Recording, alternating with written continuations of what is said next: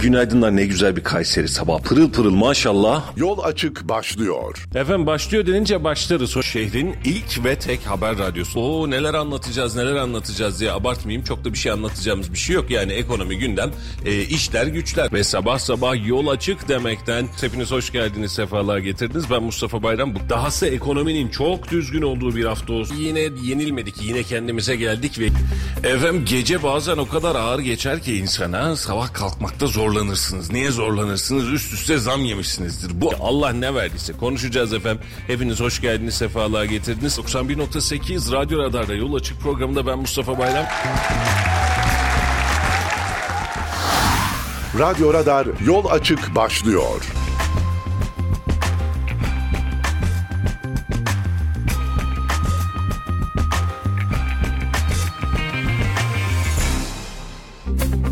Ses. Şimdi geldi. Efendim hayırlı sabahlar, günaydınlar hepinize.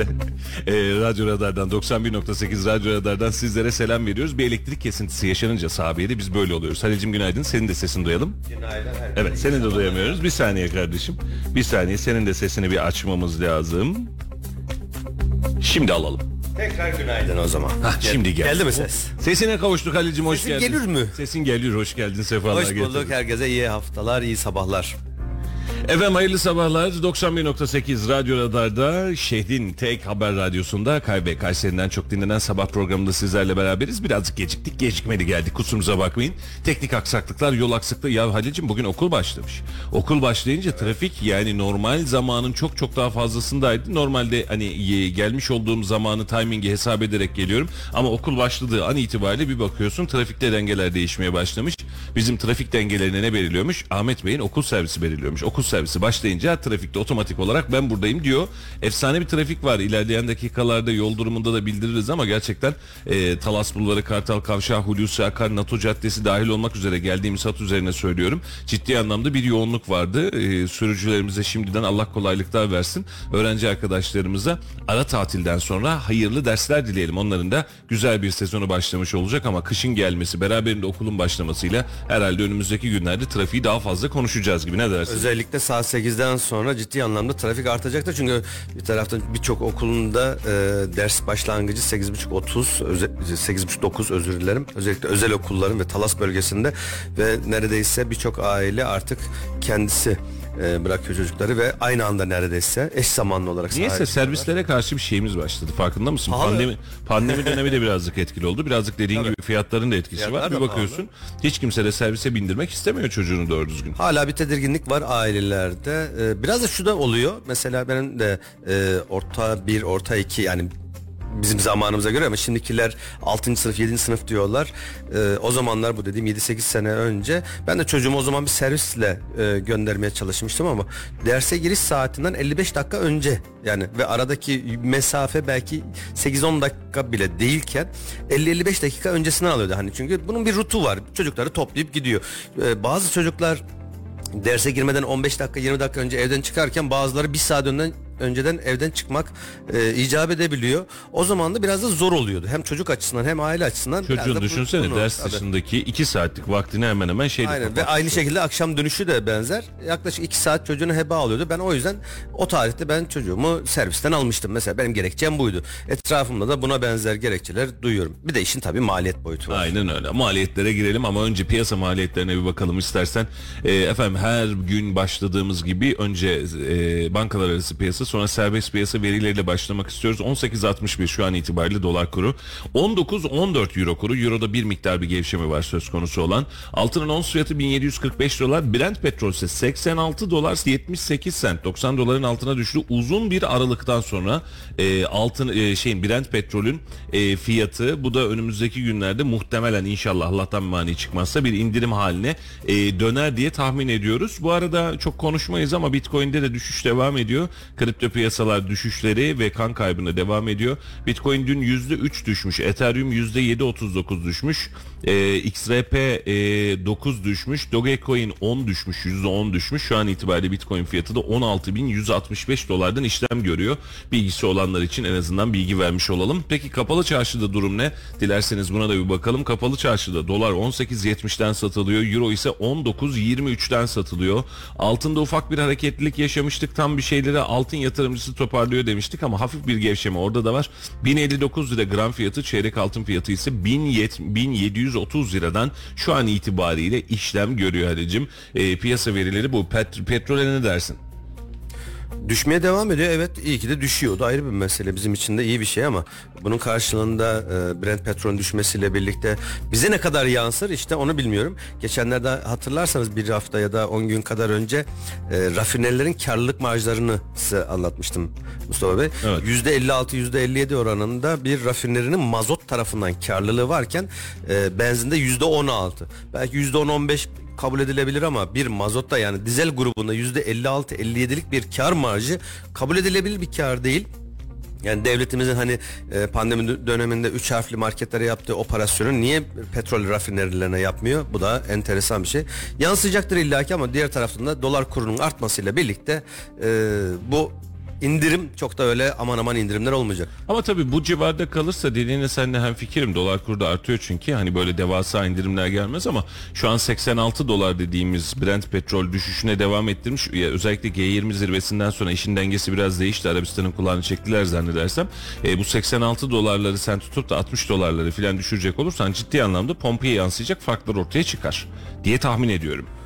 Umuyoruz ama birazcık şöyle bir şey var. Brent petrol çıkarken e, sağ olsun hemen böyle saniyesinde dakikasında saatini beklemeden neredeyse zamlar gelirken Brent petrol düşmede ne yapıyorlar bu sefer? Ya bu düşmeye devam edecek mi? Olduğu yerde bir kalacak de, bir de mı? önce bir depodakileri bir tüketelim bir filan. depodakileri bir tüketelim bir bakalım ne oluyor diyerek. Selamlar, günaydın, iyi yayınlar. Güzel, mutlu, huzurlu, bereketli bir hafta diliyorum. Mustafa Bey, Halil Bey ve Radar ailesi demiş Mehmetciğim. Mehmet teşekkür ediyorum Çok kardeşim. Sağ olasın, sağ olun. var olasın. Ee, haftamız güzel olsun hepimiz için. Haftayı güzelleştiren bir haber aslında bir hafta öncesinde hatırlıyorsun pazartesi başladığımızda İstiklal'deki saldırıdan bahsediyorsak bahsediyorduk ama hafta sonunda Türk Silahlı Kuvvetleri müthiş bir operasyon gerçekleştirdi. Ee, dünyaya neredeyse sesini duyurmuş oldu. Gerek Suriye'de gerek Irak'taki terör bölgelerini e, ad- adeta e, yağmur gibi bomba yağmuruna tuttu E, ve ciddi anlamda terör örgütü ciddi zayiatlar e, vermiş oldu. Valla gurur duyduk. Gecenin bir saatinde başlayan operasyon hatta Halil'le de beraberdik o dakika itibariyle. Halil ilk haber verdi. Başlamışız filan diye.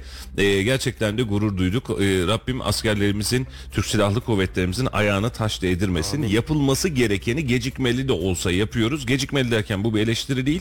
E, keşke hiç olmasa, hiç bu saldırılar vesaireler yaşanmadan bu işin kökünü kurutsak ama e, gerek stratejik olarak, gerek askeri olarak, ge- gerek dünya siyaseti olarak belki de bazen bu anlamda gücümüz yetmiyor ya da vakti zamanı olmuyor ama Türk Silahlı Kuvvetlerimiz müthiş bir iş gerçekleştirmiş oldu. E, ve ben özellikle şeyi takip ettim Halil. Senden ayrıldıktan sonra gece PKK'ya yakın e, haber kaynaklarının Twitter'daki yayınlarını takip ettim. Ne kadar canlarının yandığını görmek daha keyifliydi işin açıkçası. Hiç çekinmeden söyleyeceğim bunu E, ve onlar da tabii ki katil Türk ordusu diye bakıyorlar işin içerisine anlatırken öyle bakıyorlar ama katilin e, Ecrin bebeğin katilinin kim olduğunu zannedersem hepimiz çok çok daha iyi biliyoruz. E, tebrik etmek istiyorum, e, takdir etmek istiyorum. E, askerimizi ve bu iradeyi sağlayan devletimizi bu anlamda tebrik etmek istiyorum. E, ve daha fazlasına da giderek fırsat bu fırsat böyle bir dönemde gerçekten inlerine kadar girerek artık bu işi kurutmaktan e, ve bu işi yok etmekte hepimiz için fayda var. Bakın dün bakıyorsunuz e, bize roket atarlı saldırı gerçekleştiriyor. Hani e, canları yandı ya bir sefer. Hani kendilerince onların misli o çünkü roket atarlı saldırıyla kabul etmeye ya da e, bizi taciz etmeye çalışıyorlar. E, kaynaklarında kurutmakta hepimiz için fayda var. Artık şu terör hadisesinin bu yüzyılda konuşmak istemiyor Türk milleti Ee, ve bunlarla uğraşmak istemiyor. Yani bu insanların beslendiği yerler belli, yaptığı yerler belli. Evet siyaseten gerçekten çok e, zorlu handikaplar var. Bunun farkındayım. Yani bir gün öncesinde belki görmüşsündür sen de sosyal medyada Amerika'daki bölge komutanının sözde Kürtlerin Kobani bölgesindeki e, askerlerinin daha doğrusu gerilyalarının mezuniyet töreni gibi, töreni gibi bir törende konuşma yaptığı görüntüleri var. Dikkat ettin mi? Neden? konuşuyordu ama Aynen öyle. özür dilerim orada bir düzeltme yapayım Tabii size. Onlar Kürt değil. O eğittikleri Kürt değil. Kürtler değil onlar. Çok daha farklı ırklar. Yani e, oradaki bir terör eylemleri Kürt kardeşlerimiz değildi onlar. Ee, yani bin kişi şöyle söyleyelim, belki evet, bazen- 990 tanesi farklı Haklısın. ırklardan. Yayında bu anlamda belki birazcık daha dikkat etmek lazım ama e, buradaki derdimiz şu PKK'nın milis kuvvetlerini, PKK'nın e, gerilla kuvvetlerinin eğitildiği yer diyelim. Yani gerçekten burada ırksal bir durum yok. E, ama e, Kobani'de, Aynel Arap'ta e, bu canlılık hep devam etti. Biz de vakti zamanında açılım sürecinde ne yazık ki buraya peşmergeyi kendi ellerimizle getirmeyi tercih etmiştik ama bu yanlıştan Allah'tan çok uzun ısrar etmedik ve döndük ve şu an o bölgenin hani biz IŞİD'le mücadele ediyoruz. IŞİD kalmadı ki. Neyle mücadele ediyorsun? Yani kendilerince dünya kamuoyuna verdikleri hadise buydu. IŞİD kalmamış IŞİD'i, kalmamış DAEŞ'i daha önceden örgütlenmiş, planlı bir şekilde dünya kamuoyuna sunulmuş bir terör örgütünden bahsettik. Yani Hollywood stüdyolarını aratmayan efektlerle e, donatılmış e, ve çok kısa bir dön- dönem içerisinde Bağdat'tan Şam'a birçok bölgede e, ben buradayım diyen ve Suriye'yi karıştıran ve kimin tarafından o koordine edildiği iyi kötü belli olan bir örgütten bahsediyoruz. Şimdi de birileri biz bu örgütü def ettik diye kahramanlık türküsü yazıyorlar.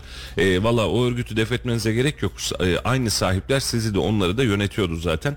E, ama yapılan operasyonlar gerçekten yerindeydi ve bu operasyonlarla da İnşallah terörün kökünü kazımaya ve kökünü kurutmak için önemli bir adım atmışızdır ve devamını da bu anlamda getiririz diye umut ediyorum. Ve olayın birkaç aslında farklı fonksiyonları da var Mustafa Bey. Şimdi e, Suriye ile ve Kuzey Irak tarafında Kandil'in bile ötesinde Asos bölgesine yapılan saldırılarda yaklaşık mesafe 1000 kilometre. Evet. 1000 kilometre boyunca 89 tane noktaya eş zamanlı olarak neredeyse aynı anda 70'in üzerinde hava saha hava aracımızla bunun içinde AVAX uçakları, nakliye uçakları, savaş uçakları, İHA'lar, SİHA'lar, Bayraktarlar, Akıncılar hepsi aynı anda eş güdümlü olarak çıktı.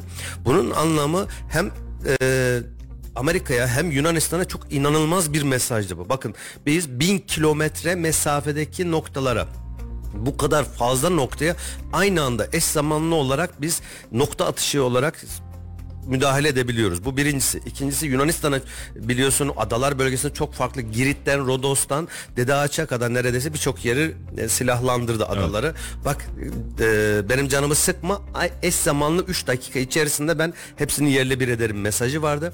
Amerika'ya da dedi ki daha öncesinde de biliyorsunuz ne yapıyorlardı? Özellikle PKK, PYD'li araçlara Türkler, Türk ordusu saldırmasın diye hem o PKK bayraklar, PD, PYD bayrağının yanına bir de Amerikan, Amerikan bayrağı dikiyorlardı. aslında, Dedi ki e, PKK, PYD bayrağının olduğu hiçbir aracı ben es geçmeyeceğim. Yanında kimin bayrağı olursa olsun vuracağım mesajı verdi ve o araçlar bir gün öncesinden hepsi toplatıldı. Bir Bayraklar de, da bir de, bir de şu toplatıldı. Hadise bir var. Ee, Rusya'dan sadece Rusya'ya e, konuşarak bu operasyonu hava sahasını açarak yani biz giriyoruz diyerek Amerika'dan 4-5 yıldır ama aynen defa. Amerika'dan izin almadan çünkü Amerika bölgede değil biliyorsunuz Amerika ve Rusya'nın bölgede olduğu dönemde e, tüm güçlere otomatik olarak bir beyanat veriyordunuz. Bak biz geliyoruz bombalayacağız haberiniz olsun diye çünkü bölgede onların hakimiyeti var. E, çünkü düşünsene hani bir Rus uçağını vurduk başımıza gelenleri iyi kötü biliyoruz.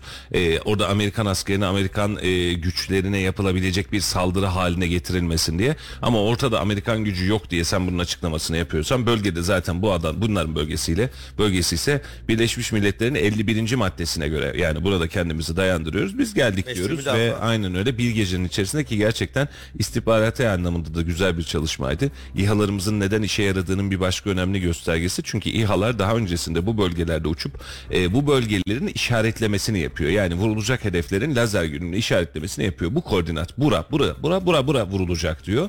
E, sabah keşifleri var, akşam keşifleri var ve çok e, bir e, rahat böyle bir e, operasyondu Türk Silahlı Kuvvetleri için. Kimsenin bizim açımızdan kimsenin burnu kanamadan ama teröristin de canının yandığı güzel bir operasyondu. Yeniden söylüyorum tebrik etmek lazım. Yapılan işin de arkasında durmak lazım. Türk Silahlı Kuvvetlerimize başarılar diliyoruz. Maşallah diyoruz. Rabbim e, ay- ne nasıl söyleyelim gücünü kuvvetini arttırsın Rabbim Amin. e, ayaklarına taş değdirmesin valla biz e, akşamın o saatinde gelen haberlerle e, İstiklal saldırısının Ecrin Bebeğin ve oradaki 6 e, şehidimizin e, en azından kanının yerde kalmadığını ve operasyonun bu kadar rahat olmadığını onlara çok rahatlıkla gösterdik diye düşünüyorum en azından E, bu anlamda da başarılı bir iş olarak buldum Halil'ciğim. Evet. Diğer taraftan da olayın aslında bir iki tane daha farklı e, yönleri var Mustafa Bey. Yaklaşık 200 kilometre boyunca içeri girdik Bağdat Evet. tarafına. Asos bölgesine.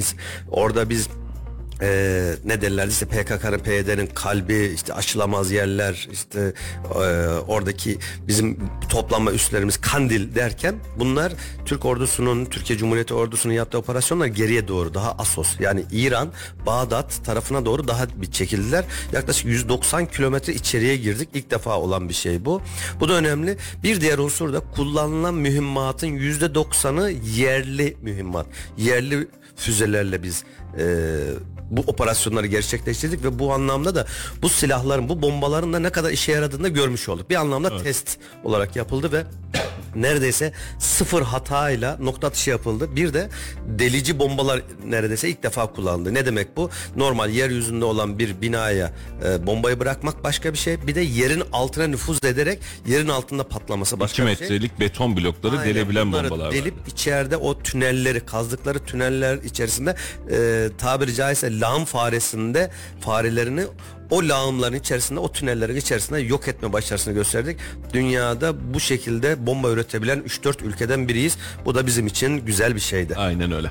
Şimdi buna e, işte dün akşam e, Allah'tan e, şeyimiz yok, can kaybımız yok ama Kilis'te Öncü Pınar sınır kapısı bölgesine roketli saldırı e, gerçekleştirdi. Biri asker, yedi polisi yaralandı. E, bunun anlamı da şu aslında biz bu operasyonları sıklaştırdıkça onlar da tabii ki e, canlarının yettiği ve ellerinden gelen ne varsa onu da yapmaya devam etmeye çalışacaklar ama Türk Silahlı Kuvvetleri'nin kararlılığının devamını ben talep ediyorum. Yani seçim dönemi deneyelim, geçim dönemi demeyelim, e, acaba yaz mı kış mı demeyelim ama bu kaynakları gerçekten bizim kurutmamız lazım ve nefes aldırmaz hale getirmemiz lazım. E, çünkü e, Türk Silahlı Kuvvetleri'nin gücünü artık dünyada bilmeyen kimse yok ama PKK'nın bunu bildiğiyle alakalı çok emin değiliz. Sebep şu PKK gerilla faaliyetiyle yani e, bir kişilik, iki kişilik, üç kişilik neredeyse böyle mayın saldırısı gibi saldırılarla TSK'yı taciz etmeye devam ediyor ve bu anlamda da çok canımız sıkılıyor. E, ve yaşanan bombalı saldırı da bize şunu gösterdi. Bu insanları boş bıraktığınızda örgütlenmeleri, yapılanmaları, hücrelenmeleri devam ediyor. Boş bırakmadan, nefes aldırmadan bu işin e, sonunu getirmek artık görevimiz. Çünkü bu kadar başarıya ulaşmışken, bu kadar içeride temizledik derken, ayakkabı numarasına kadar biliyoruz derken artık bu işi gerçekten bitirip e, taş başına tabiri caizse Halil'cim çıkmamız lazım. E, PKK'ya katılmak için birilerinin niyet etmesinden önüne geçmemiz lazım. Eğer bu kısmı gerçekleştirmezsek gerçekten büyük bir vebalin de altında kalacağız. Yıllardır kaç yıl oldu PKK'yı biz konuşalı bu ülkede? 40 yılı geçti. 45 40 yıl. ya- aynen öyle. 40-45 yıllık süreç boyunca ülkemizin en önemli gündemlerinden bir tanesi bu haline geliyor. Bunu gündemden çıkartma vaktidir. Buna seçim öncesi, seçim sonrası vesaire diye bakmıyorum. Bunu bitirmek için stratejimiz neyse bunu kullanmamız lazım ki bir kez daha bu tür e, hain saldırılarla karşı karşıya kalmayalım. Evet. Bir son dakika bilgisi verelim mi Mustafa Bey? Muğla'nın Datça ilçesinde 5.4 şiddetinde bir deprem olduğu açıklanmış. Ee, Allah Geçmiş olsun. Ee, güneş tutulması ve sonrasında ve deprem kuşaklarının olduğu ve yaşandığını ne yazık ki biliyorduk. Ee, bu dönemde de Türkiye özellikle Ege bölgesinden birazcık beşiğe dönmeye başladı. Günde bir, iki günde bir bu bölgeden 4, 5, 3 e, sallantılar, sarsıntılar yaşıyoruz. İnşallah daha beteri olmaz diyelim.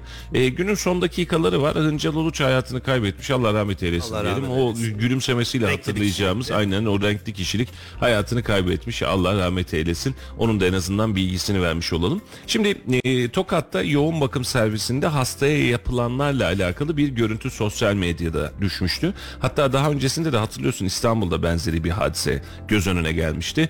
E, Bakan Koca özel hastanenin faaliyetinin durdurulduğunu, iki hemşirenin işten çıkartıldığını söylemiş. E, ben burada bakanlığın görüntü çıktıktan sonraki reaksiyonunu takdir ediyorum. Yani gereğini haddiyle ve fazlasıyla yapıyor. Düşünsene koskoca bir hastane ruhsatını iptal ediyorum diyor. Hastane diyor ki efendim benim suçum ne senin hastanende oluyor. Yani her şeyi ben mi kontrol edeceğim? Bunu kontrol etmesi gereken sensin. Ee, burada ben başka bir noktaya geleceğim. Hangi insani tavra döndüğümüzü gerçekten merak ediyorum. Yoğun bakımda e, tabiri caizse ölümle burun buruna bir hasta var karşında. Belki çok uzun dönem yoğun bakımda kalacak. Belki hızla dönecek. Ama birileri sağlık sektörü olması ya da başka bir sektör olması beni bağlamıyor. Hemşire olması, doktor olması da bağlamıyor. Birileri tutuyor. Bu hastalarla dalga geçebilmek, görüntü verebilmek, bir yerlerde paylaşabilmek ya da kendi o hastalıklı ruhlarını tatmin etmek adına bu görüntülerle uğraşabiliyor. Hangi hastalıklı insani taraf bu? Bunu gerçekten oturup bir hesap etmemiz lazım. Ben bundan çok rahatsızım. Hadi yani şöyle düşün biri vefat etmiş, biri çok hasta. Senin yakınınsa durumun nedir kardeşim? Dibin dibindesin doğru mu? Yani tüm üzüntü, tüm keder sende. Ama birileri için bu eğlence malzemesi olabiliyor. Bu insanlığımızı ne kadar kaybettiğimiz, insana, canlıya, ölüye ne kadar saygımız olduğuyla alakalı tüm soruları yeniden getiriyor. Yani sektör mü yeniden ele, ele alınacak yoksa bir ülke mi yeniden ele alınacak bilmiyorum ama bu görüntüleri yaşayabilmek bile bence tam anlamıyla bir facia. Yani yine söylüyorum bak Sağlık Bakanlığı bir öncekinde de bunda da hastane bu, bu seferki medikal parktı herhalde yanlış hatırlamıyorsam. Ee, yani e, markasına bakmaksızın gereğini yapıyor. Ruhsatını iptal ediyor, hastaneyi kapatıyor, en büyük cezayı veriyor. Personellerle alakalı adli idari işlemler başlatılıyor. Bu anlamda hiçbir sıkıntı yok gerçekten. Ama bu noktaya gelmekle alakalı bir e, mı acaba desek mi yani kendi içimizde? E, düşünsene insan tereddüt ediyor. Yani yoğun bakımda hastam var mı mı acaba diyorsun. E, hani Amerika'da çok olurdu. Türkiye'de de sonradan geldi. İşte bakıcıya veriyorsun yaşlını. E, bir, bir bakıyorsun bakıcıya eziyet ediyor. Çocuğun bakıcısı da bir bakıyorsun çocuğu dövüyor. Nasıl bir hastalıklı ruh halidir bu? Ne anla ne ara biz buraya kadar devşirebildik kendimizi? Gerçekten e, bu anlamda da kafamda deli sorular var kardeşim ya. Oldukça üzücü ama diğer taraftan da işini layıkıyla yapan e, elleri öpülesi doktorlarımız ya da sağlık mensubu e, çalışanlarımız illaki var. Buradaki birkaç kişi tabii ki e, tüm mesleğe mal etmek doğru değil ama dediğin gibi yani ne ara biz böyle bu, bu hale geldik? Biz sağlıkçı nasıl böyle bir davranışlar içerisinde olabilir? Hayretler verici. Ben görüntüleri sansürsüz bir şekilde sosyal medyadan izledim Mustafa Bey. Yani tanımam, etmem, eşim değil, akrabam değil. Ya bırakın yani gitti, Türk? Türk bile olmasa yabancı Hiç bir önemli değil elin adamı bile olsa vicdanımız inanılmaz bir şekilde sızlarken görüntüyü bile izlerken e, bunu hangi zihniyetle yapıyorlar akıl alır gibi değil. Dediğin gibi biz bu merhameti bu meslek sorumluluğunu ne ara kaybettik bilmiyoruz. Bakın pandemi döneminde e, ilk zamanlar ne kadar yoğun olduğu dönemlerde 2 ay, 3 ay boyunca kendi evladını görmeden hastanede yatıp kalkan doktorlarımız, sağlık personellerimiz vardı.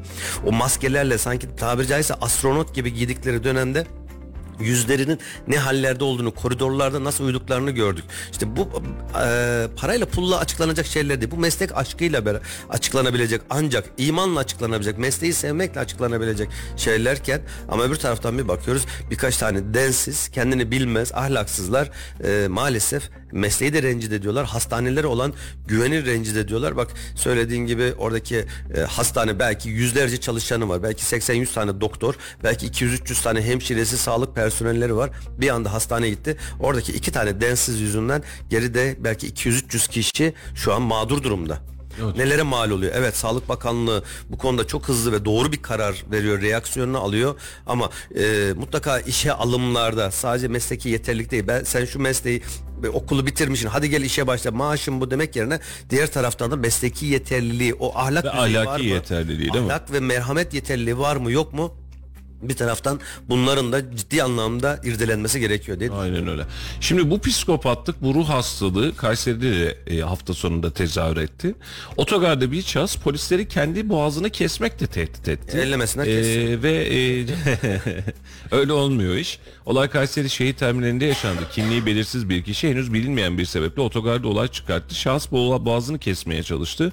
E, çevredeki vatandaşlar olayı polise bildirdi. Şahıs polisleri boğazını kesmekle tehdit etti. Daha sonra kimliği belirsiz kişi polislerin çabasıyla ikna edildi. Olay gözaltına alınmış. Derdi neymiş? E, Valla e, onun hafta sonundan hafta başına haberi gelmemiş. Arkadaşlar ilgileniyordur. E, bir başka üzücü haberimiz daha vardı Fevzi Çakmak Mahallesi'nde. İhbara gidiyor polis ekipleri. Aile içi şiddet ihbarı hatta ihbarın niteliği de. E, evdeki şahıs şizofren hastası öyle olduğu iddia ediliyor ve bu şahıs bıçakla beraber e, polis ve oradaki bekçilere saldırıyor. Dört kişiyi yaralıyor. Polislerimizin de bir tanesinin durumu ağırdı. E, bu da çok travmatik bir hadise. Düşünsene polis olay yerine gidiyor. Olaya çağrılmışsın. Yani olay var, rehin alma var vesaire var ya da aile içi şiddet var. Kapıyı çalacaksın. Ne yapıyorsun kardeşim sen diyeceksin. Elinde bıçaklı bir adam ve hasta. Ruhen de hasta. Ve bir bakıyorsun dört tane kişinin dört kişinin yaralanmasına bunlardan bir tanesi polisimiz bir tanesi de bekçi. Oradaki bekçilerden biri yanlış bilmiyorsam. Nerede gerçekleşmiş? Fevzi Çakmak Mahallesi Önder Sokak'ta. E, aile içi kavga ihbarı üzerine olay yerine gidiyor. E, şizofren hastası şahıs tarafından da saldırıya uğranıyor. Biri ağır 3 polis memuru ve bir bekçi yaralanıyor. Yani düşünebiliyor musun hadiseyi? E, ruhsal travmamızın boyutu adına söylüyorum. Bak yani burası Kayseri. Şimdi Tokat'ta bir hastanede e, onlar da şizofreni hastasından bence farksız kafa gitmiş adamların. E, yoğun bakımdaki hastaya eziyet etmeyi kendilerine maharet kabul edebiliyorlar. Ama dönüyorsun bu tarafta Kayseri'de burnumuzun dibinde bir şahıs kendimi keserim diyor. Bir şahıs e, burada bakıyorsun e, gelen polisleri e, yaralıyor. E, Battal Gazi'de aynı günün içerisinde bir başka şahıs bir başkasını bıçaklıyor. Ruhsal olarak çok iyi değiliz sanki. Yani Texas'a e, mı döndü? yani e, sadece Kayseri'de değil Türkiye'de de böyle yani olaylar vakalar bitmiyor ve ne oluyoruz biz? Şimdi bunu emniyetin ne kadar engellediğini düşünecek olursan emniyet önleyici faaliyetleri vardır evet mutlaka ama olaydaki senin cinnetini senin hastalıklı ruhunu emniyet engelleyemez. Ya bir Düşünsene. taraftan da şunu da düşünüyorum. O dört e, yaralımız nasıl dört oldu? Hadi bir bir şekilde anlarım. Yaklaştılar eline bı- bıçakla bir anda saldırdı. Zaten şizofren, zaten hasta, kendini kaybetmiş durumda. E, öldü sanırım. Yanlış Öldü, öldü, evet. da. Evet. Ama e, böyle bir saldırı anında hemen diğer e, emniyet güçlerimiz anında bunu bertaraf edebilecek güce, yetkiye Ama öyle, sahipken şimdi- dört kişi birden nasıl Hani deli, yaraladı? deli gücü derler ya Halil'cim Bilmiyorum, yani. deli gücü ama öbür taraftan da belinde silah olan bir emniyet gücünden Ya bahsediyoruz. bunu daha önce de konuştuk. Şimdi Yani emniyetimiz ayaklarına sık anında hiçbir şey olmazsa burada daha önce de konuştuk. Yetkide sınırlama var. Keşke olmasa. Emniyetimizin bu anlamda şöyle bir hadisesi var. Polis memuru arkadaşlarımızın bellerinde silah var ama kullanmaları gerçekten fermana mahsus. Çok zor. Ee, çok zorda kalıyorlar. Ee, şimdi geçtiğimiz gün gece hatta biz de yayınlamıştık onu. O Kerkük Caddesi'nde ters şeritten giden bir araç kovalaması. Şehir birbirine karıştı böyle yani bir e, kuş marka bir aracı da kovalıyor. 4 ekip 5 ekip filan farklı görüntüler de vardı. Ya şimdi bakıyorsun normal bir Amerikan polisiyesi mantığında bakacak olursan polisiye değil gerçek görüntüler biliyorsun bazen de canlı yayınlarla veriyorlar. Affetmiyor. Yani aracın lastiğine te- e, silahla ateş etmişim, aracı durdurmuşum, şahsı öldürmüşüm. Gerçekten polis bu anlamda affetmiyor. E, ama şimdi bizde bakıyorsun şizofren hastası diyorsun. Dört kişi yaraladıktan sonra etkisiz hale getiriyorsun, vuruyorsun. E, bunu da şöyle düşün. içeri girmişin aman etme kardeşim. Hani çünkü bizim polisimizdeki reaksiyon bu. Kendi canını hiçe sayarak aman tutayım, dokunmayayım, işte gözaltına almaya çalışayım. Elinde bıçak bir de deli gücü. Yani düşünsene yakındaki dört kişiyi yaralaman senin için bir dakika. Yani an, an, an içerisinde bunu yapabilirsin. Ama şimdi e, normal şartlarda polisler böyle yapıyor mu? Dur e, eller yukarı yere yat diyor. Yere yatmazsa vuruyor bitiyor geçmiş olsun iş. Yani düşünsene Amerikalılarda böyle değil mi? Geçen gün senin seyrettirdiğin görüntüde de böyleydi. Yapma diyor eller yukarı yere yat diyor. Yatmıyor yatmadığı anda da e, basıyor tetiğe iş 10 bitiyor. saniye sürmüyor yani. öyle. Ha bu neyi getiriyor biliyor musun? Sana da polis şuradan geldiğinde ve eller yukarı dediğinde yere yat dediğinde senin hiçbir suçun kabahatin yok. Problem değil ama sen bunun yapman zor, zorunda olduğunu hissediyorsun. Bizde içe ne oluyor? İşte yaz döneminde gurbetçi hikayesinde sen benim kim olduğumu biliyor musun hikayesi çıkıyor. Yat diyorsa yatacaksın kardeşim. Polis sana bunu söylüyorsa yapmak zorundasın. Ve biz bunu e, polisin bu yetki alanını çok rahatlatmadığımız için dört tane polisimizi, e, üç üçü polis, biri bekçi olmak üzere dört kişiyi yaralanmasına sebebiyet verebiliyoruz. Ha sonuçta şahsı vurduk ve e, etkisiz hale getirdik. Hastanede de hayatını kaybetmiş. Tamam kabul. Ama sen bu arada dört tane görevini yapmaya giden oraya polisi yaralıyorsun. Bir tanesinin can kaybına da sebebiyet verebilirdin. Yani bu sadece bizim emniyetimizle alakalı bir süreç değil. Polise verilen yetkiyle alakalı bir süreç. Allah esirgesin o bir tane bıçakla e, çok şükür hamdolsun yaralı bir şekilde kurtuldular inşallah ağır yaralı olan emniyet gücümüzde e, bir an önce sağlığına kavuşur. Allah esirgesin iki tanesi üç tanesi ölseydi e, ne olurdu? Bir Vallahi bıçakla belinde dört tane belinde dört tane silahı olan kişiyi e, öldürmesiyle sonuçlansa ne olurdu? Bunun vebali kimde? İşte ona o yetkileri elinden alanlarda. Valla e, bununla Çekecek, vuracak. Ben alakalı, onu bunu bununla alakalı ne hikmetse bizde insan hakları hikayesi ve masalları geçtiğimiz yıllarda çok fazlasıyla yaşandı. Evet insan hakları önemli. Mesela şahsı gözaltına aldın darp etme kardeşim. Buna bir itirazım yok. Şahsı e, karakol sorgusunda dövme. Buna da bir itirazım yok. Hatta bununla alakalı çok güzel yapılandırmalar var. Mesela şahsı gözaltına alıyorsun. Gözaltına aldıktan sonra adli tıpa çıkartıyorsun. Kontrolü yapılıyor. Daha sonra ifadeye götürüyorsun. İfadeden sonra sabah nezarete göndereceksin ya da çıkartacaksın. Bir kez daha adli tıpa gönderiyorsun. Doğru mu? Yani sağlık raporu alınıyor. Yani. Aynen öyle. Darp edilmemiştir. Burada işkence görülmemiştir. Normal insan haklarına uygun bir şekilde e, bunun sorgusu yapılmıştır diyorsun. Ama olay o noktaya gelmeden sana karşı bir e, öldürücü bir silahla bıçak olmuş ya da başka bir şey. Bunların hepsinin genel adı silahtır. Seni öldürmeye e, düşünen, buna uğraşan birine karşılık da sen hala ikna etmekle uğraşamazsın. Etkisiz hale nasıl getirirsin? Yani ayaklarına sıkarsın. Olmadı kafasına sıkarsın ama olayı çözersin. Bak elin gavuru Amerikalısı ne yapıyor? Ayağına bile sıkmıyor. Havaya bile sıkmıyor. Direkt kafaya. O izlediğimiz görüntüden ne yapıyordu? 4-5 tane e, ateş ediyor. Yerde ağır yaralı. Koskoca e, şarjörü içinde 14 tane mermisi olan e, silahı yerde yatmış ağır yaralı hafif bir kolu kımıldıyor diye kafasına gözüne hedef gözetmeksizin o kurşunları boşaltabiliyor. Evet. Şimdi e, biz bunu tasvip ediyor muyuz? Tabii ki o da ayrı bir mesele ama oradaki caydırıcılıkla işte Türkiye'deki caydırıcılık arasındaki fark da maalesef bu şekilde tezahür ediyor. Evet. Ee, dün bir e, ruh hastalığı haberi daha gelmiş. Oruç Reis mahallesinde meydana gelen olayda İD kendisine para vermeyen babaannesini bıçaklamış. Polis babaannesini bıçaklayan torunu her yerde arıyor. E, muhtemelen de yakalamıştır şimdiye kadar. İD babaannesi ND'den para istiyor ve daha sonra arbede çıkıyor ve daha sonrasında da yaşlı kadını bıçaklıyor. Kavga ettiği babaannesini bıçaklıyor. Ruh halimizin ne olduğuyla alakalı bence e, temel problemlerden bir tanesi. E, zoruz, zordayız, dardayız. Yani ruhen çok iyi değiliz. E, ruhen hiç stabil durumda değiliz. E, toplumun ruh sağlığını, toplumun e, vakalara bakışını, olaylara bakışını belki de bir kez daha gözden geçirip ne oluyor kardeşim burada diyebilmemiz lazım. E, ve bu anlamda da e, evet olayları e, polis yol, zor, e, yöntemiyle e, kolluk güçleri yöntemiyle belki engelleyebiliriz ya da üzerine gidebiliriz ama bunun temel taşlarını ruhsal durumumuzda belki bir kez daha gözden geçirmemiz gerekiyor. Evet e, dönelim efendim dün seyir halindeki bir otobüsün yandığı haberini gördük. E, Yolculardan bir tanesinin dikkati sonucunda seyir halinde içi yolcu olan otobüs e, tahliye edilmiş ve tahliyenin hemen ardından patlamalarla beraber yandı. Ulusal basında da yer aldı bu haber. Geçmiş olsun dileyelim e, ve olayla alakalı da soruşturma başlatılmış ama bu anlamda ricamızdır buradan kimse yanlış anlamasın. Bu tür vakaların oluşma süreçleri ve niçin tetiklendiğini hesaba katıp araçların bu anlamda çünkü her biri birbiri e, birçoğu birbirine benzer markalı araçlar halk otobüslerinin e, olayı çıkarabilecek arıza noktalarından bir kez daha çek edilmesi, bir kez daha muayene kaynağı gibi muayene edilmesi gerekliliği kanaatindeyim. Ee, Allah'tan bir can kaybı yok sadece mala zarar var Ee, ama yarın bir gün benzerini daha beterini yaşamamak adına e, otobüs işletmelerimizin de ve halk otobüsleri e, birliğinin de bu anlamda bu kontrolleri sıklaştırması gerektiği kanaatindeyim. Büyük geçmiş olsun.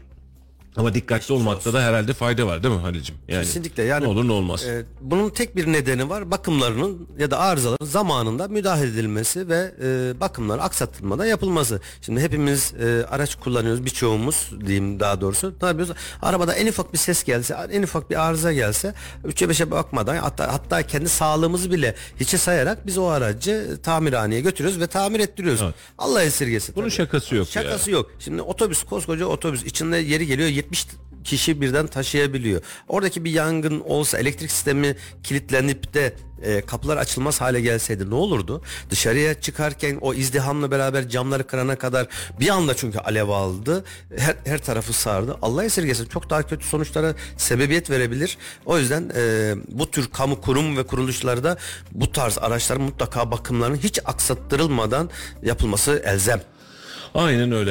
Ee, Rabbim beterinden esirgesin. Efendim dün Kayseri için de renkli bir gündü. Ee, bunlardan da birazcık bahsetmek istiyorum. Ee, Türkiye Atlı Cirit Şampiyonası ve e, yapıldı. E, Atlı Okçuluk Merkezi'nde yapıldı bu harikalar diyarının orada ve beraberinde de e, Yeşilhisar'da Soğanlı Vadisi'nde Enduro ve ATV müsabakası yapıldı. Şampiyonası yapıldı ve akşamında da Anadolu Ateşi'nin muhteşem bir sahne gösterisiyle gün tamamlanmış oldu. E, dün ben şahsım adına atlı cirit şampiyonasını takip edemedik ama sabah saatleri itibariyle alanda bulunmamız gerekiyor. Yani Soğanlı'nın turizmine bizim de bir katkımız bulunması gerekiyor diyerek Soğanlı Vadisi'nde yerimizi aldık. E, gerçekten keyifli görüntülerle müthiş bir alan vardı. Hadi birazcık bunu anlatmak isterim özellikle. E, Soğanlı Vadisi'nde biliyorsunuz eski viran yapılar var. Deprem bölgesi diye e, düşünülen, boşaltılan e, eski evler filan var. Bu evleri, bu alanları ne yapmışlar? E, Halil müthiş bir... E, parkur haline getirmişler.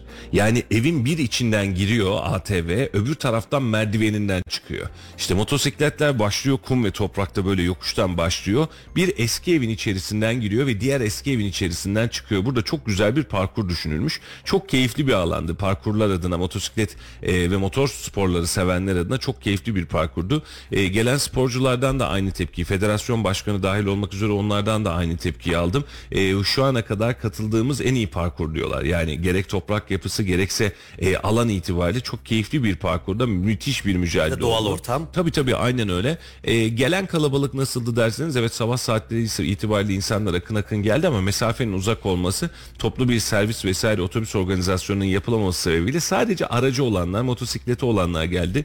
Motosiklet tutkunları da oradaydı. Akşamında da yaklaşık bir 4000-5000 kişi civarındaki insanlı bir Anadolu ateşi gösterisi yapılmış oldu. Şehir adına ve Soğanlı'nın gösterilmesi adına Soğanlı'ya e, katkılar adına Yeşilhisar'a ve Kayseri turizmine katkılar adına ben önemli bir e, aksiyon olduğunu düşünüyorum. Emeği geçen başta Vali Bey olmak üzere Büyükşehir Belediye Başkanımıza e, Yeşilhisar e, Kaymakamımıza özellikle e, Ali Bey'e bu anlamda teşekkür etmeyi de borç biliyorum. Çünkü e, gerçekten herkes emeğini başa koymuş. Bir bakıyorsun e, kaymakam masa taşıyor bir bakıyorsun belediye başkanı bir şeyin ucundan tutuyor. Artık işi o noktaya kadar gelmiş. Herkes de sahiplenmiş. Güzel bir organizasyondu. Beraberinde de Türkiye Atlı Cirit Şampiyonası düzenlendi. E, Kayseri'de aynı gün içerisinde iki tane e, böyle önemli şampiyonanın yapılması da turizm açısından da e, şehre önemli bir katkı olduğunu kanaatindeyim. E, burada bir ufak eleştirim var e, Halil.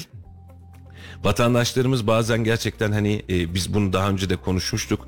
E, Kayseri'de hiçbir şey olmuyor kıvamındalar ya. Kayseri'de çok şey olduğunun, Kayseri'de neler yapıldığının aslında bir göstergesi. Eksik kalan kısım bizim bunun bizim e, bu kültürün içerisinde bulunmamamız. Yani çoluğu, çocuğu, aileyi hep beraber alalım. Hadi buraya gidelim mi? Bunun keyfini, tadını çıkartalım mı demememiz. Bu anlamda eksikliklerimiz olduğu kanaatindeyim. E, Türkiye e, çapında şampiyonalar Kayseri'de yapılırken e, kaç kişiyle gidiyoruz? Kaç tane e, alanı dolduruyoruz? Kaç kişiyle böyle bir etkinliği takip ediyoruz? Oturup bir kez daha sorgulamak lazım. E, vatandaşı da bu kültürün artık yavaş yavaş e, geçmesi lazım. Ne için? Ya bir farklılık olsun diye gitmek lazım. Ben bunu bir daha göremem diye gitmek lazım. Orada e, benim de akrabam işte kuzenim ve kuzenimin eşiyle orada karşılaştık. E, diyor ki ya Anadolu Ateşi'ne biz diyor bunun için ta Antalya'ya gitmiştik zamanında diyor. Yani Anadolu Ateşi'ni seyretmek için orada etkinlikleri vardı. Kayseri'ye gelmiş gelmez miyiz diyor. Evet gelmişler. E, ortada bir Anadolu Ateşi var. E, gelen insan sayısına bakıyorsun az. Tamam mesafe uzaktı şuydu buydu diyebilirsiniz ama efendim 60-70 kilometre bir mesafeden bahsediyoruz. Hani 5000 kilometre gitmiyorsunuz sonuç itibariyle. Aynen öyle. Ee, hani Kayserili insanların da bu anlamda artık bir kendini bir ayıltması lazım. Ve ücretsiz de yalnız Tabii canım tamamen ücretsiz. Ee, ben sana görüntüleri paylaşırım. Dün sayfada da paylaştık. Canlı yayında da görmüşsündür belki de. Sen gelemedin. Ee, ama gerçekten keyifli bir alan vardı. Yani motor tamam toz toprak vardı ama gerçekten keyifliydi. Ee, sporcular enerjikti, alan enerjikti, gözlemeci ablacılarımız, dürümcülerimiz vesairelerimiz her şey vardı alanda. Yani tam bir şenlik alanıydı. E sen gelmekte çekiniyorsan e, burada da problem Kayseri'nin bu etkinlik kültürü ve altyapısı diye düşünüyorum. Yani bunu da birazcık hesaba katmak lazım. Ya bu, bu ilki yapıldı biliyorsun. Ee, mutlaka bunun devamı olacaktır. Ee, bir takım organizasyonda bir takım aksaklıklar varsa bile ya da tanıtımında bir takım eksiklikler varsa sonraki yıllarda bunlar üzerine koya koya bu hatalar giderilerek daha iyi bir organizasyon yapısıyla eminim ki 2-3 yıl içerisinde artık oraya yüzlerce kişi değil binlerce sonraki yıllarda on binlerce kişi katılabilir. Niye olmasın? Çünkü e, tüm dünyada olduğu gibi Türkiye'de de motor sporları sevilen bir spor. Mustafa Bey. İster formüle yarışı olsun, ister ralli olsun, ister bisiklet yarışı olsun. Mutlaka ama mutlaka bir takipçisi, izleyicisi illaki var, meraklısı var. Söylediğin gibi birkaç böyle konser organizasyonu, ücretsiz halk konseri ya da dans gösterileri de mutlaka insanları cezbedecektir. Ee, eminim gelecek yıl, sonraki yıllar çok daha büyük etkinlikler, daha kapsamlı etkinlikler illaki olacak. Valla işte bunu bir şey e, dün alanda da birazcık fazla vakit geçirdik Halil'cim. Yani saat 10'da biz alandaydık. Saat e, akşam yaklaşık e, 18-19'a kadar da oradaydık. Biraz ayakta, biraz yürüyerek, birazcık oturarak, çekimler filan yaparak. E, alanda istişare ettiğimiz turizm bileşenleri de vardı. Şehrin turizm abileri de vardı işin açıkçası. E, bizim e, topyekün bu işe sarılmamız gerekiyor. Yani zamanla dediğimizde gerçekten çok ciddi zaman kaybediyoruz. Mesela esnafımız turizme sarılmalı. Bu kadar turizm atağından bahsediyorken. E, mesela Soğanlı Vadisi'nde bu tarz etkinlikler yapılabiliyorsa e, bizim yatırımcılarımız Soğanlı Vadisi'nde otel yapmayı kafasına koyabilmeli. Oradaki eski evleri alıp restore etmeyi kafasına koyabilmeli. Yeşilhisar'da yol üstünde kenarda turizm işletmesi diyemem belki ama satış ve hizmet işletmeleri oluşturabilmemiz gerekiyor. Yani giderken bir yemek yiyebilir miyim? Bir yerde çay içebilir miyim? Bir yerde burada eğlenebilir miyim? Buranın nesi meşhurdur diyebilmemiz lazım.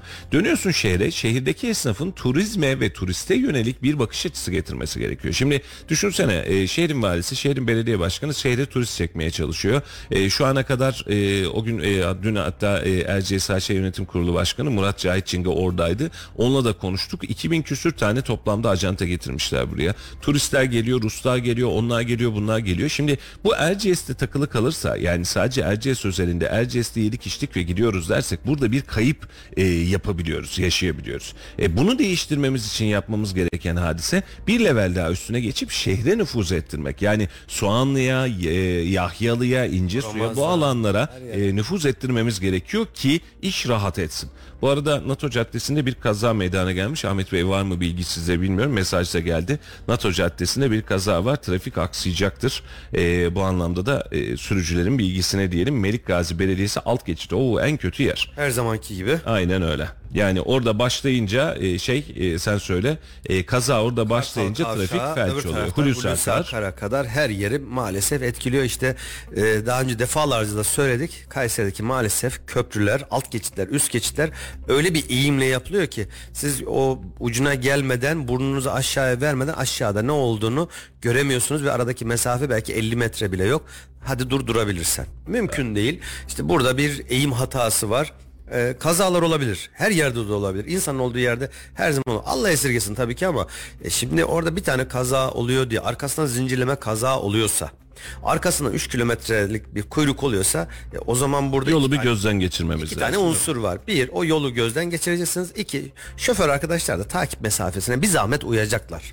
Durabileceğin Ama kadar o, gaza o, o çok fazla olmuyor. Hani şöyle sabah gelirken de işte okulun başlangıcı itibariyle trafikte aksiyon adamları vardı öyle. Makas atanlar, gelenler, gidenler benim araçta sigortaya attırıyor. Kamerayı bazen niye kaldırdım diye kendime de hayıflanıyorum ama e, trafik cambazlarımız çok fazla. İşin içinden sıyrılınca kahraman oluyorlar. Sıyrılamayınca kazazede oluyorlar. E, bu anlamda e, yolun da problemi var. Trafik akışının da problemi var. E, ve biz bu trafik akışıyla alakalı uzun zamandır hiçbir harekette bulunmadık. Hulusi Akar Bulvarı şehrin nefes almasını e, sağlayan bulvarlardan bir tanesiydi. Orada bile şimdi tramvay çalışmasıyla alayın e, olayın neredeyse %50'sini böyle dur kalk haline getirebilecek kıvama geldik. E, dönüyorsunuz Kartal Kavşağı'nda ne güzel alt geçit üst geçit yaptık bir şeyler yapıyoruz demeye çalışıyoruz. Hala oradaki boğum duruyor. E, mesela çok basit bir şey söyleyeyim. Talas'tan iniyorsun aşağıya doğru. O il milliyetin vesairenin olduğu alanlarda dönüşler var. İster istemez oranın da personeli var şimdi. Duruyor, yavaşlıyor, sağa dönecek. Yolda bir şeriti öldürüyorsun.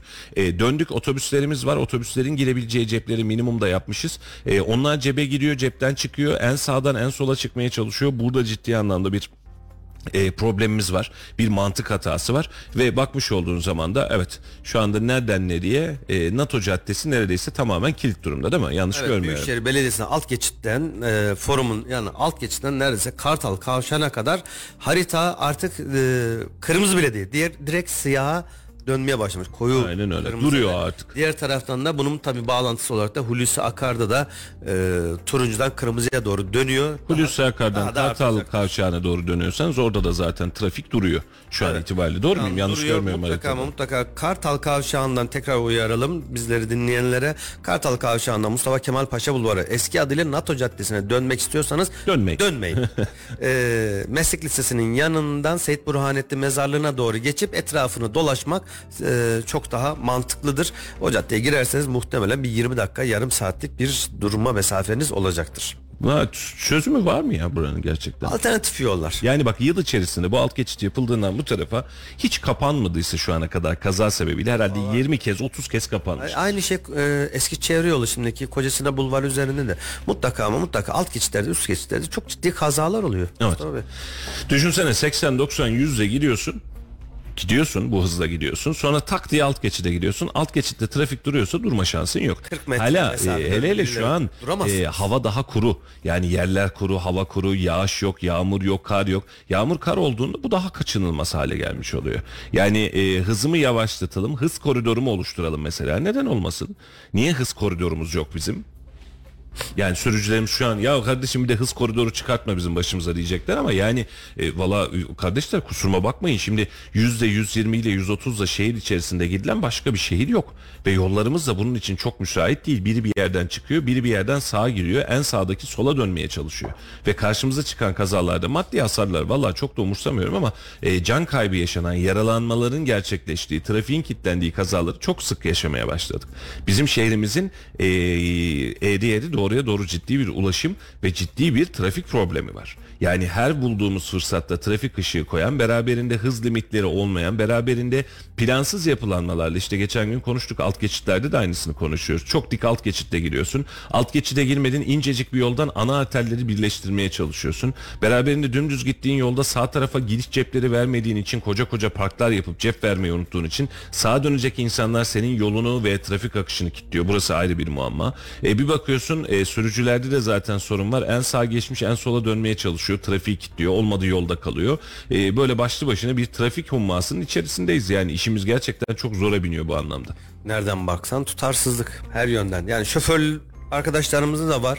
Ee, tabii ki layıkıyla sürenleri tenzih ediyoruz ama maalesef ama maalesef ne önündeki araca bakan, arkasındaki araca ne bakan, e, tabiri caizse tampon tampona ilerleyen, makas ata ata giden arkadaşlar en ufak bir hata yani ölümle kalım arasında ince bir çizgi saniyelik bir hataya bakıyor ve dört tane tekerin altında üstünde gidiyorsunuz Bir arkadaşlar. de iki tekerli olanlar var onu hiç sorma. Evet onlar tüm zaten sıkıntı o ayrı mesele ama en çok ayar olduğum şeylerden bir tanesi sosyal medya. Sadece Kayseri özelinde söylemiyorum Mustafa Bey. Özellikle motosiklet sür, kullanan arkadaşlar kendilerini başka bir dünyada zannediyorlar. Evet. Ayrıcalıklı zannediyorlar. Ben motosikletliyim sen beni görmek zorunda de- zorundasın bilmem ne. Ben seni görmek zorunda değilsin. Değilim. Sen küçücük bir motosikletsin. Çoğunda lamba, ışıklandırma yanmıyor. Kafalarına takmışlar bir tane kask eğrelti belki 100 liralık bir şey. Allah esirgesin en ufak bir şeyde paramparça olur.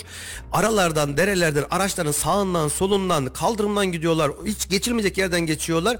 E sen bana saygı duymak, duymak zorundasın. Hiç kusura kalma arkadaş. Ben sana saygı duymak falan zorunda değilim. Sen kurallara uymak zorundasın. Ben o trafikte ne yapıyorsam, neye hakkım var, neye hakkım yoksa benden bir farkın yok. O plakayı taktığın anda benimle aynı statüdesin. Sen aralardan, derelerden geçmeye hakkın yok. Bir otobüsün ya da bir dolmuşun aracın sağından ve park etmiş iki tane arabanın arasından geçmeye hakkın yok. Şeridini bozmaya hakkın yok. Kaldırımdan gitmeye hakkın yok. Trafik lambasını kırmızı ışığı ihlal etmeye hakkın yok. Özellikle kurye arkadaşlar. Özellikle birçoğu maalesef ne ışık tanıyorlar ne yol tanıyorlar ne bilmem ne tanıyorlar. Aralardan derelerden ve ondan sonra bu iki aracın arasından geçmeye çalışıyorlar. Hani birkaç yerde de belki senin de başına gelmiştir Mustafa Bey. Böyle birbirine biraz yakın e, durmuyor. Duruyor. Araçlar duruyor iki tane. Araç duruyor. Kırmızı ışık yanmış duruyor. Birbirine yakın motosikletle aradan geçemiyor. Belki o biraz daha dar yani yarım metre mesafe. Bir taraftan da basıyor kornaya açın diyor bana diyor yola açın diyor. Sen kimsin ya? Kimsin sen?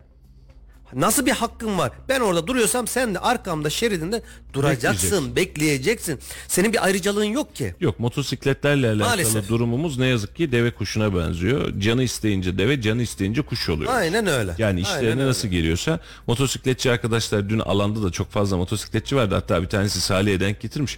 Radar deyince ya sizin yüzünüzden filan diye bize şikayetlenmiş. Vallahi sevgili dostlar biz sizin varlığınızdan e, sıkıntıda değiliz. Biz trafikteki sürüşünüzden sıkıntılıyız. Yani bu dediğimi ne olur yanlış anlamayın. Gencecik arkadaşlar sadece motosiklet zevkini gidermek adına kurye olarak çalışmak niyetine gidiyorlar. Yaptıkları hızın, yaptıkları aksiyonun haddi hesabı yok. Düz yolda benle beraber gidiyor. Önümde normal bir otomobil gibi şeridinde gidiyor. Tamam benim önümde tek tek şeritte gidebiliyor. Kardeşim senin altındaki e, 30 cc'lik bir e, motosiklet. Müsaade et ben geçeyim. Müsaade de etmiyorsun. Peki kardeşim buna da kabul. E, trafik ışığında ben duracağım. Sen trafik ışığını yan yaya kaldırımıyla kapatıp geçiyorsun. Yolun ortasındaki refüjden geçiyorsun. Her yerden atlıyorsun. Sonra da diyorsun ki ben aracım. Ben ta- e, trafiğin içerisinde seninle aynı aracım bana saygı duy. E ben zorlanıyorum. Sen araç gibi davranmıyorsun ki. Hareketlerinle, aksiyonunla sinyal veriyor musun?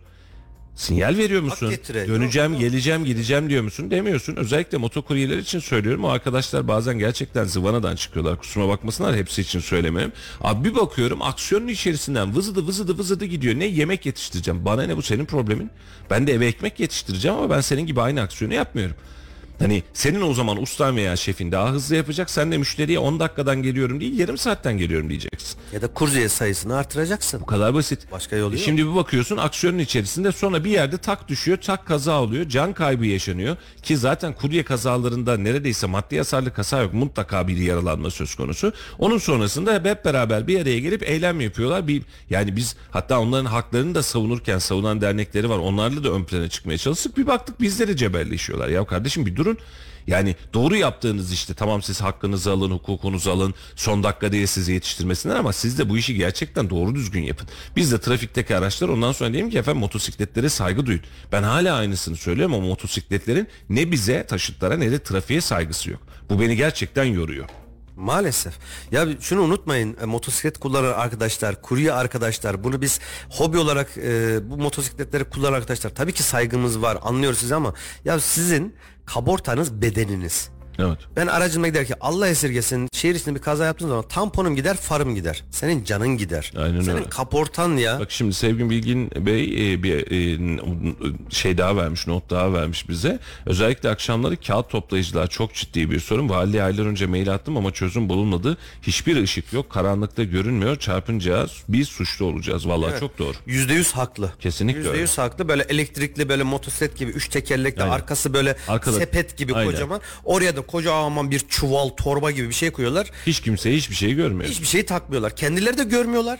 Şoförler de onları görmüyor. Ne ışık var ne bilmem ne var. Ne reflektör var, Bunlar ne bir şey var. bir yasal düzenlemesi illaki vardır burada. Emniyetimize, trafiğimize burada önemli görevler düşüyor. Yani bir otomobil orada giderken emniyet kemerini takmayan bir şoföre nasıl ceza yazıyorsan Işık ihlali yapan bir şoföre nasıl ceza yazıyorsan ya da kurallara uymayan farı yanmayana sen cezayı müeyyide uyguluyorsan o zaman bu motosikletlilere de bu tarz Benzerini böyle çöp toplayanlara da gereğini yapacaksın. Trafikten men etmen gerekiyor. Evet edeceksin.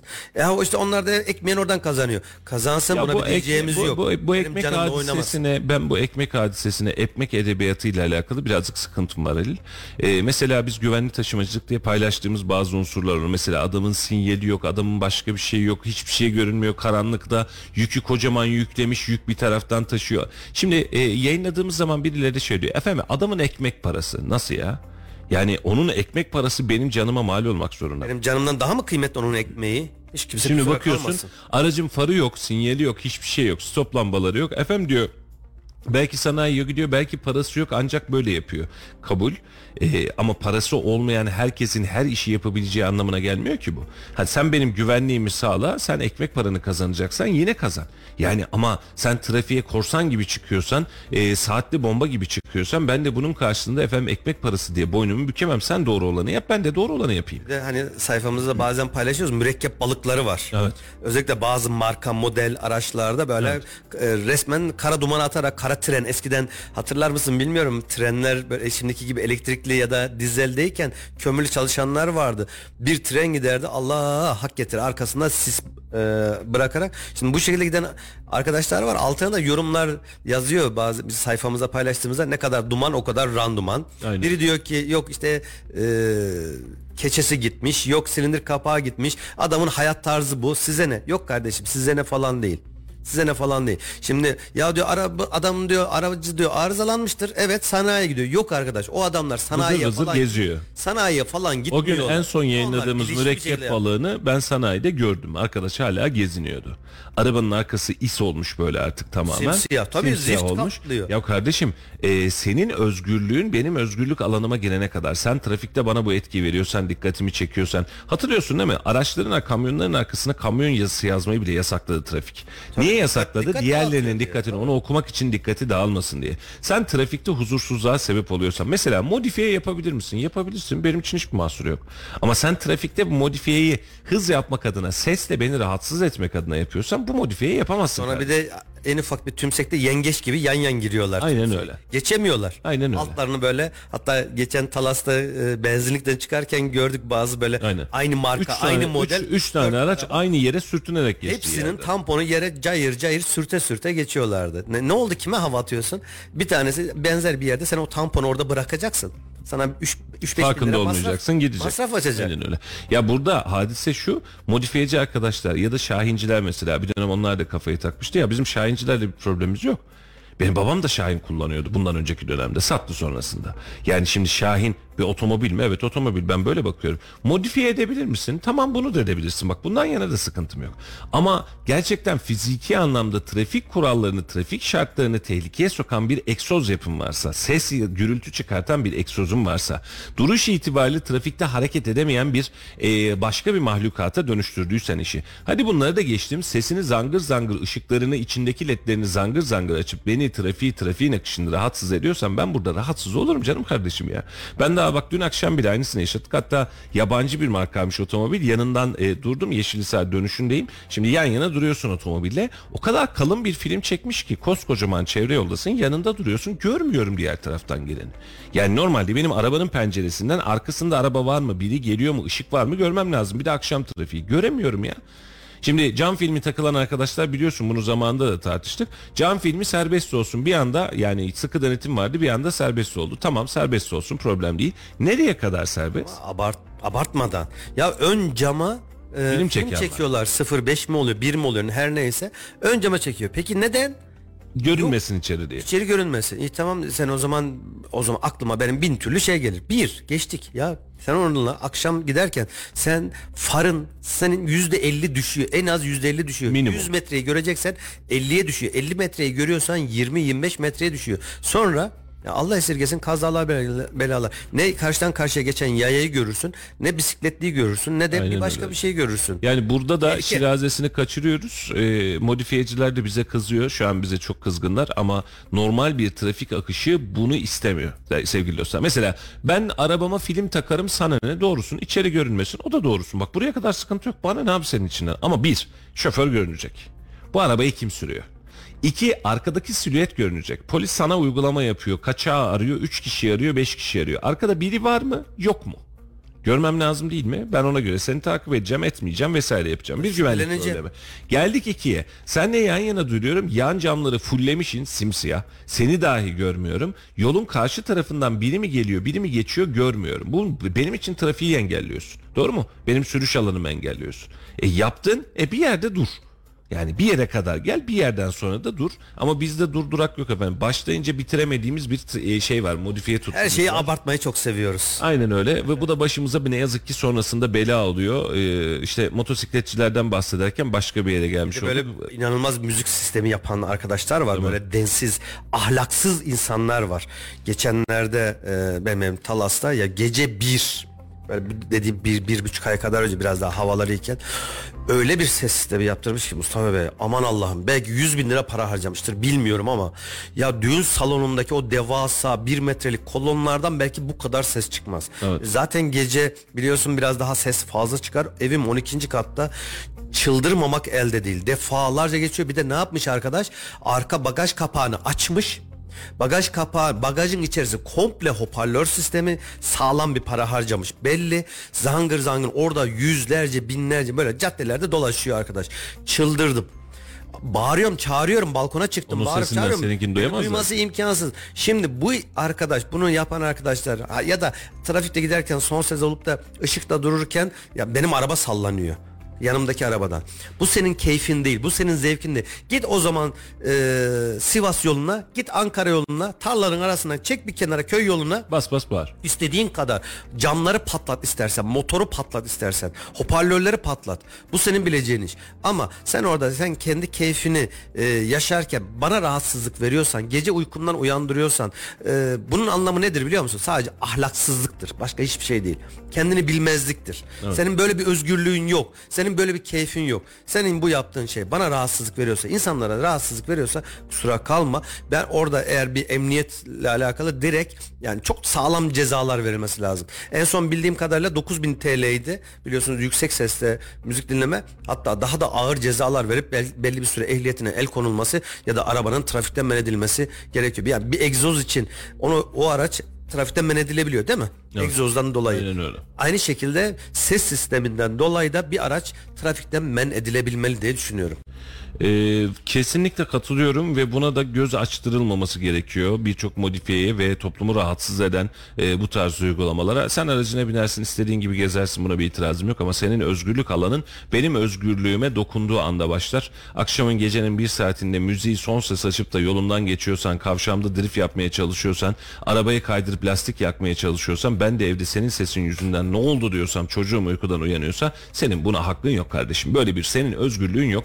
Trafik ekipleri bu anlamda ara ara denetlemeleri çok fazla yapıyor. Bazen bir bakıyorsun tek başına trafik denetlemeleri mesela kuş grubu araçlar alıyor. Modifiye araçlar alıyor. Tek tek kontrol ediyor. Söktürüyor, taktırıyor. E, gerekirse sıklaştırın. E, gerçekten baş etmemiz ve huzurlu bir şehre dönmemiz lazım. İnsanların ruhu bu kadar karmaşıkken, ruhsal problemlerle gerçekten zaten suç işlemeye bu kadar yakınken bir de bunların ruhsuzluklarıyla ya da saçmalıklarıyla uğraşmayalım. En azından doğru düzgün insanlar evlerinde, huzurlu ortamlarında e, hayat bulsunlar diye umut ediyoruz. Kesinlikle. Efendim e, günü yavaştan tamamlayacağız. Kısa bir özet geçelim. Özel öncelikle Türk Silahlı Kuvvetlerimize yapmış olduğu operasyondan dolayı hem teşekkür ederim hem de tebrik ederim başarılı operasyondan dolayı. Hafta sonunda Irak ve Suriye'deki terör yuvalarına çok anda e, bir anda çok noktalı bir saldırı gerçekleştirilmiş oldu E, ve ciddi anlamda zayiat verildi. Şu anda da Twitter'dan önümde açıyorum. Kürdistan kaynakları diyebileceğimiz kaynaklar kendilerini öyle tanımlayan kaynakların ne kadar sıkıntı içerisinde olduklarını da daha rahat görüyoruz.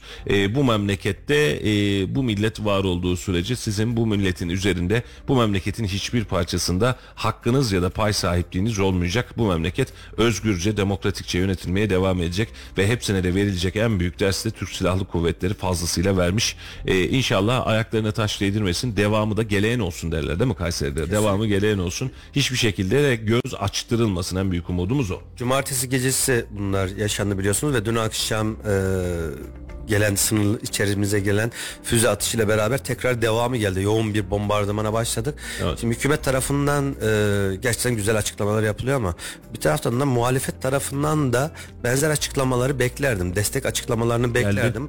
E, bir çok cılız kaldı açıkçası. Çok Valla böyle cılızdan istediğim gibi- kastın nedir bilmiyorum ama ben e, genel açıklamalarda e, pençe e, kılıç harekatı ile alakalı ben nitelikli açıklamalar gördüm. Hatta çok da hoşuma gitti. E, şu an yeniden açıp sana da okumak isterdim ama yayın sonrasında sana aktarayım. E, muhalefette yapıyorsunuz da niye yapıyorsunuz demedi. E, Türk Silahlı Kuvvetleri'ne e, e, tüm muhalefet için HDP tarafı söylemiyorum. dedi.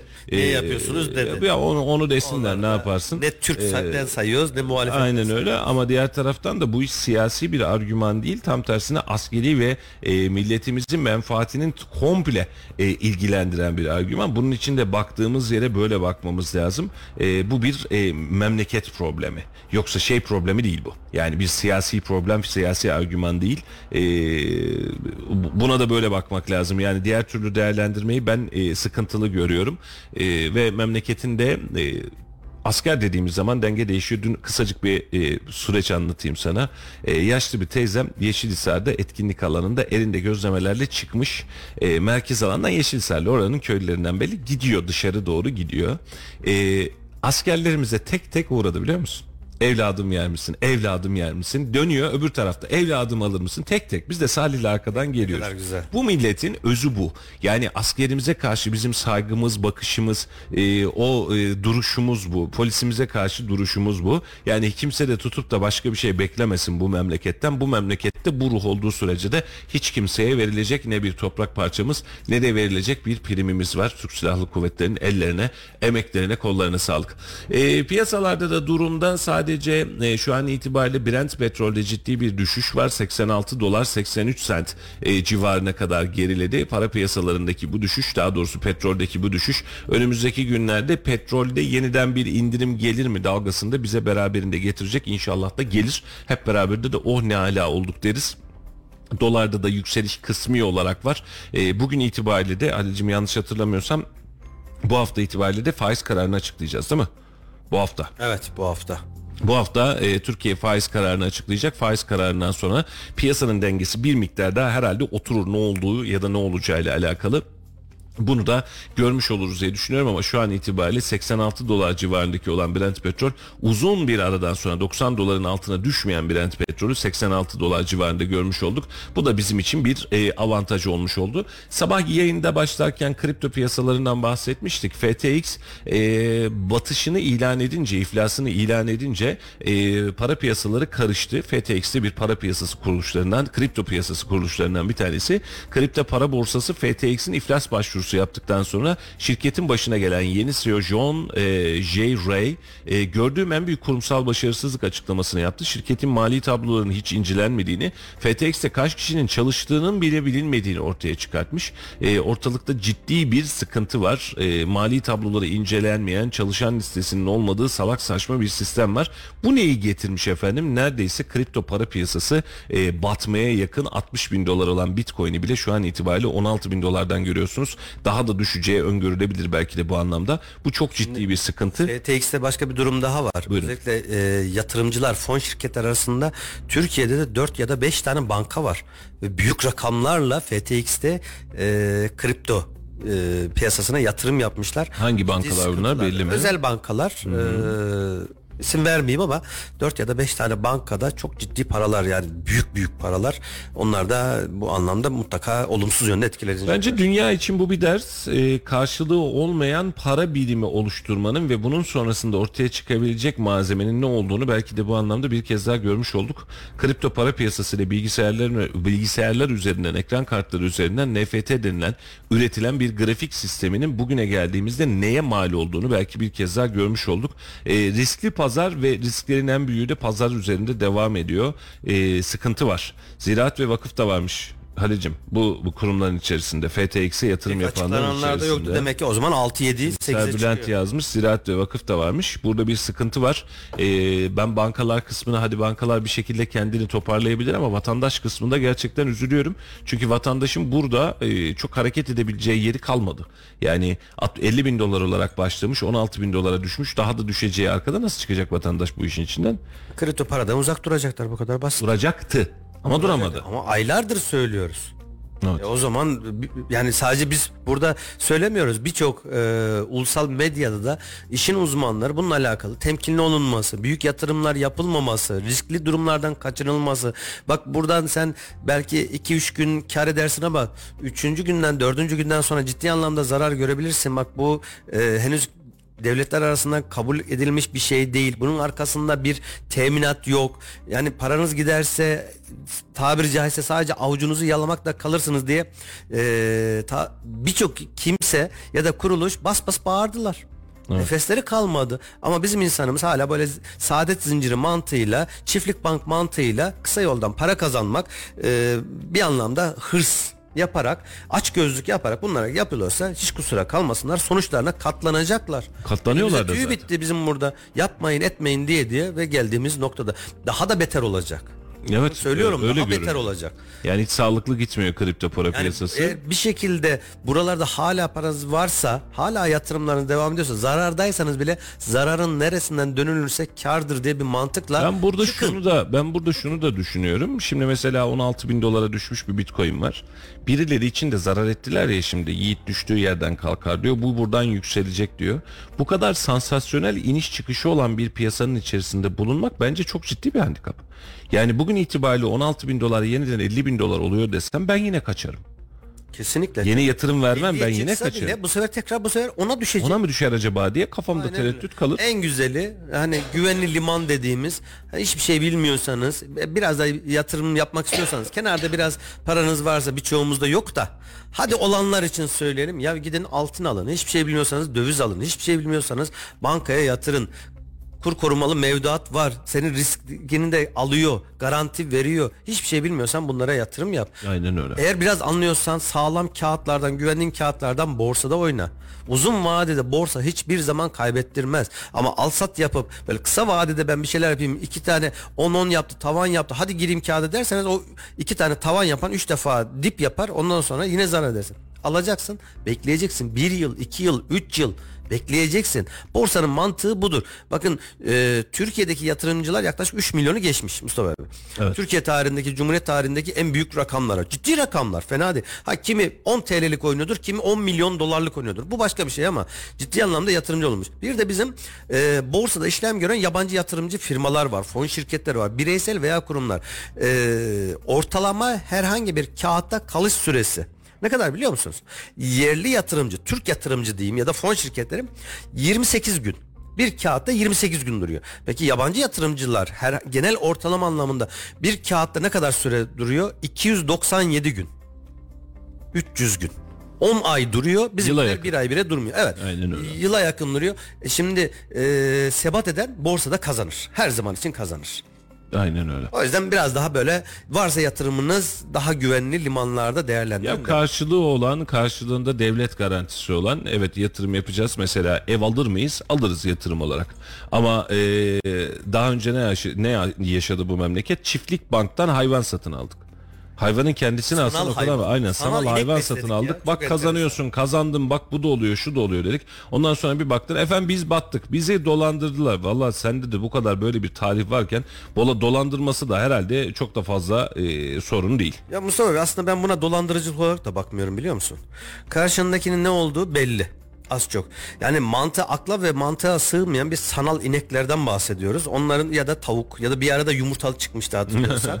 Ee, şimdi sanal ortamda böyle bir şeyi birileri diyor ki sana sen bana diyor 10 yumurta ver ben sana diyor bir ay sonra 5 yumurta daha vereceğim 15 yumurtan olacak. Ya bu akla mantığa aykırı. Bedava peynir fare kapanında Aynen öyle. hikayesi. Sen bunu bilerek Erkan, buna Erkan demiş ki Halil abi sonunda yatırım tavsiyesi değildir demiş desin demiş. Evet diyelim yatırım tavsiyesi değildir. Ne haliniz varsa görün efendim yatırım tavsiyesi değildir ama Valla biz söyleyelim de kararsızız. Aynen öyle. Dikkatli olun. Ee, gerçekten sonu ne olabilecek? Ee, yani ne oluyor kardeşim? Bu çıkar mı? Aa çok güzel para kazanıyormuş. Bu mesele değil. Uzun uzun vadede size istikrarlı olması lazım.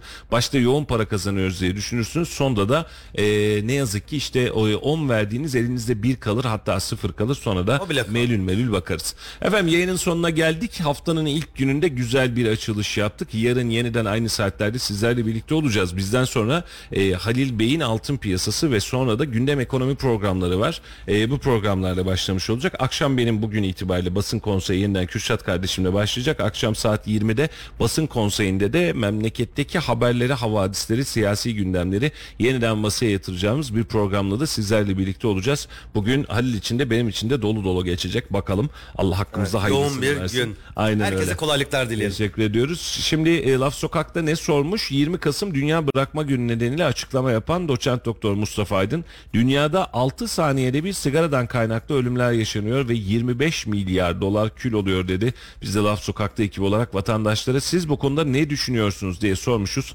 Sigarayı bırakma günüyle alakalı vatandaşa sorumuzu sormuşuz. E, sokak röportajıyla sizi baş başa bırakıyoruz efendim. Yarın yeniden hatta bugün yeniden farklı yayınlarla ama yarın yeniden yol açıkla birlikte olmak üzere. Hoşçakalın. Hoşçakalın.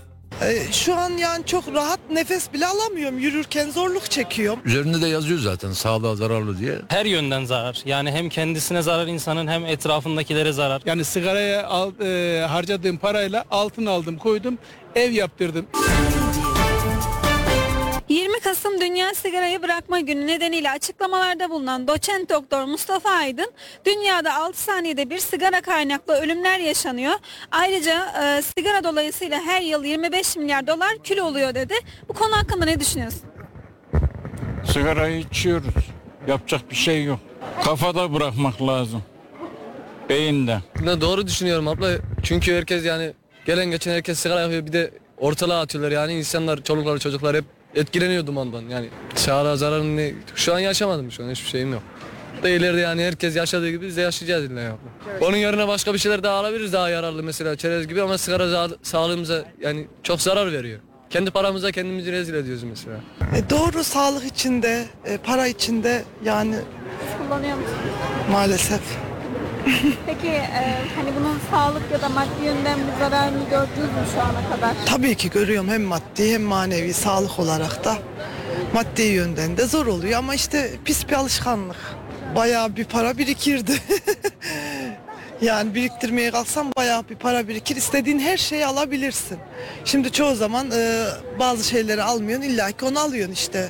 Kötü bir alışkanlık. Aslında güzel bir alışkanlık değil. E, şu an yani çok rahat nefes bile alamıyorum. Yürürken zorluk çekiyorum. Yani sağlığıma çok zarar verdi yani veriyor da. Yani ne bileyim e, uzun süreli yürüyemiyorum. Merdiven çıkamıyorum mesela. Merdiven çıkarken nefesim kesiliyor. Üzerinde de yazıyor zaten sağlığa zararlı diye. Ki o da teyit etmiş zaten. E, teşekkür ederiz. Ben bırakmayı düşünüyorum, içiyorum da bırakmayı düşünüyorum da o beni bırakmıyor. Bunun e, bağımlılık böyle bir şey.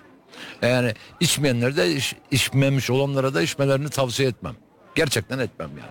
Çünkü belli bir yaştan sonra sıkıntılar yaşamaya başlıyor. Anlatabiliyor muyum? Ve o profesörde kimse teşekkür etmek lazım. Doğru söylemiş. Maddi boyutunu hiç düşünmedim ama sağlık yönünden birçok şey götürdüğü çok doğru. Çok doğru. Çünkü niye?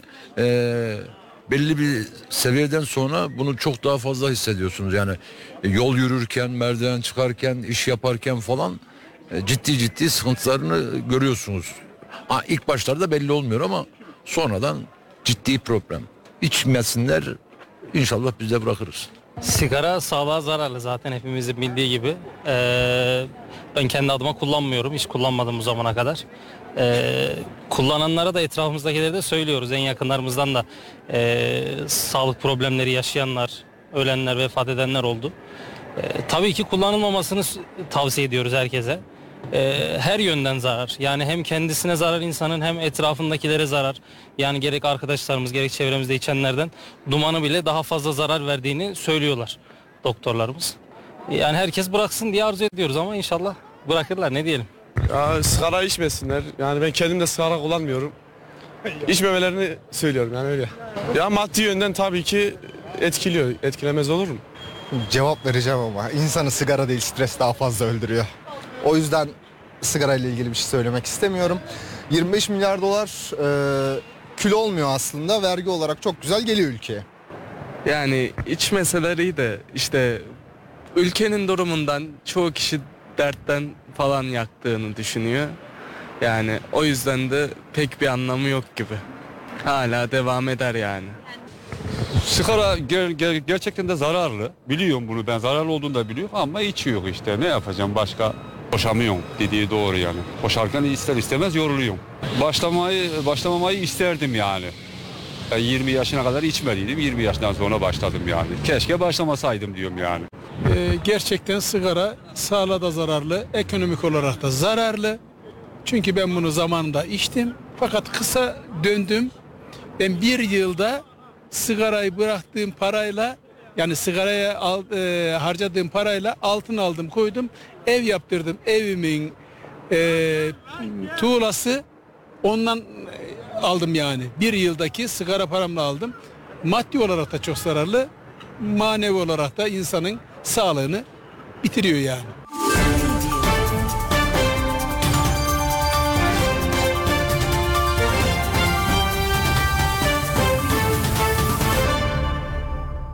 Radyo Radar yol açık sona erdi.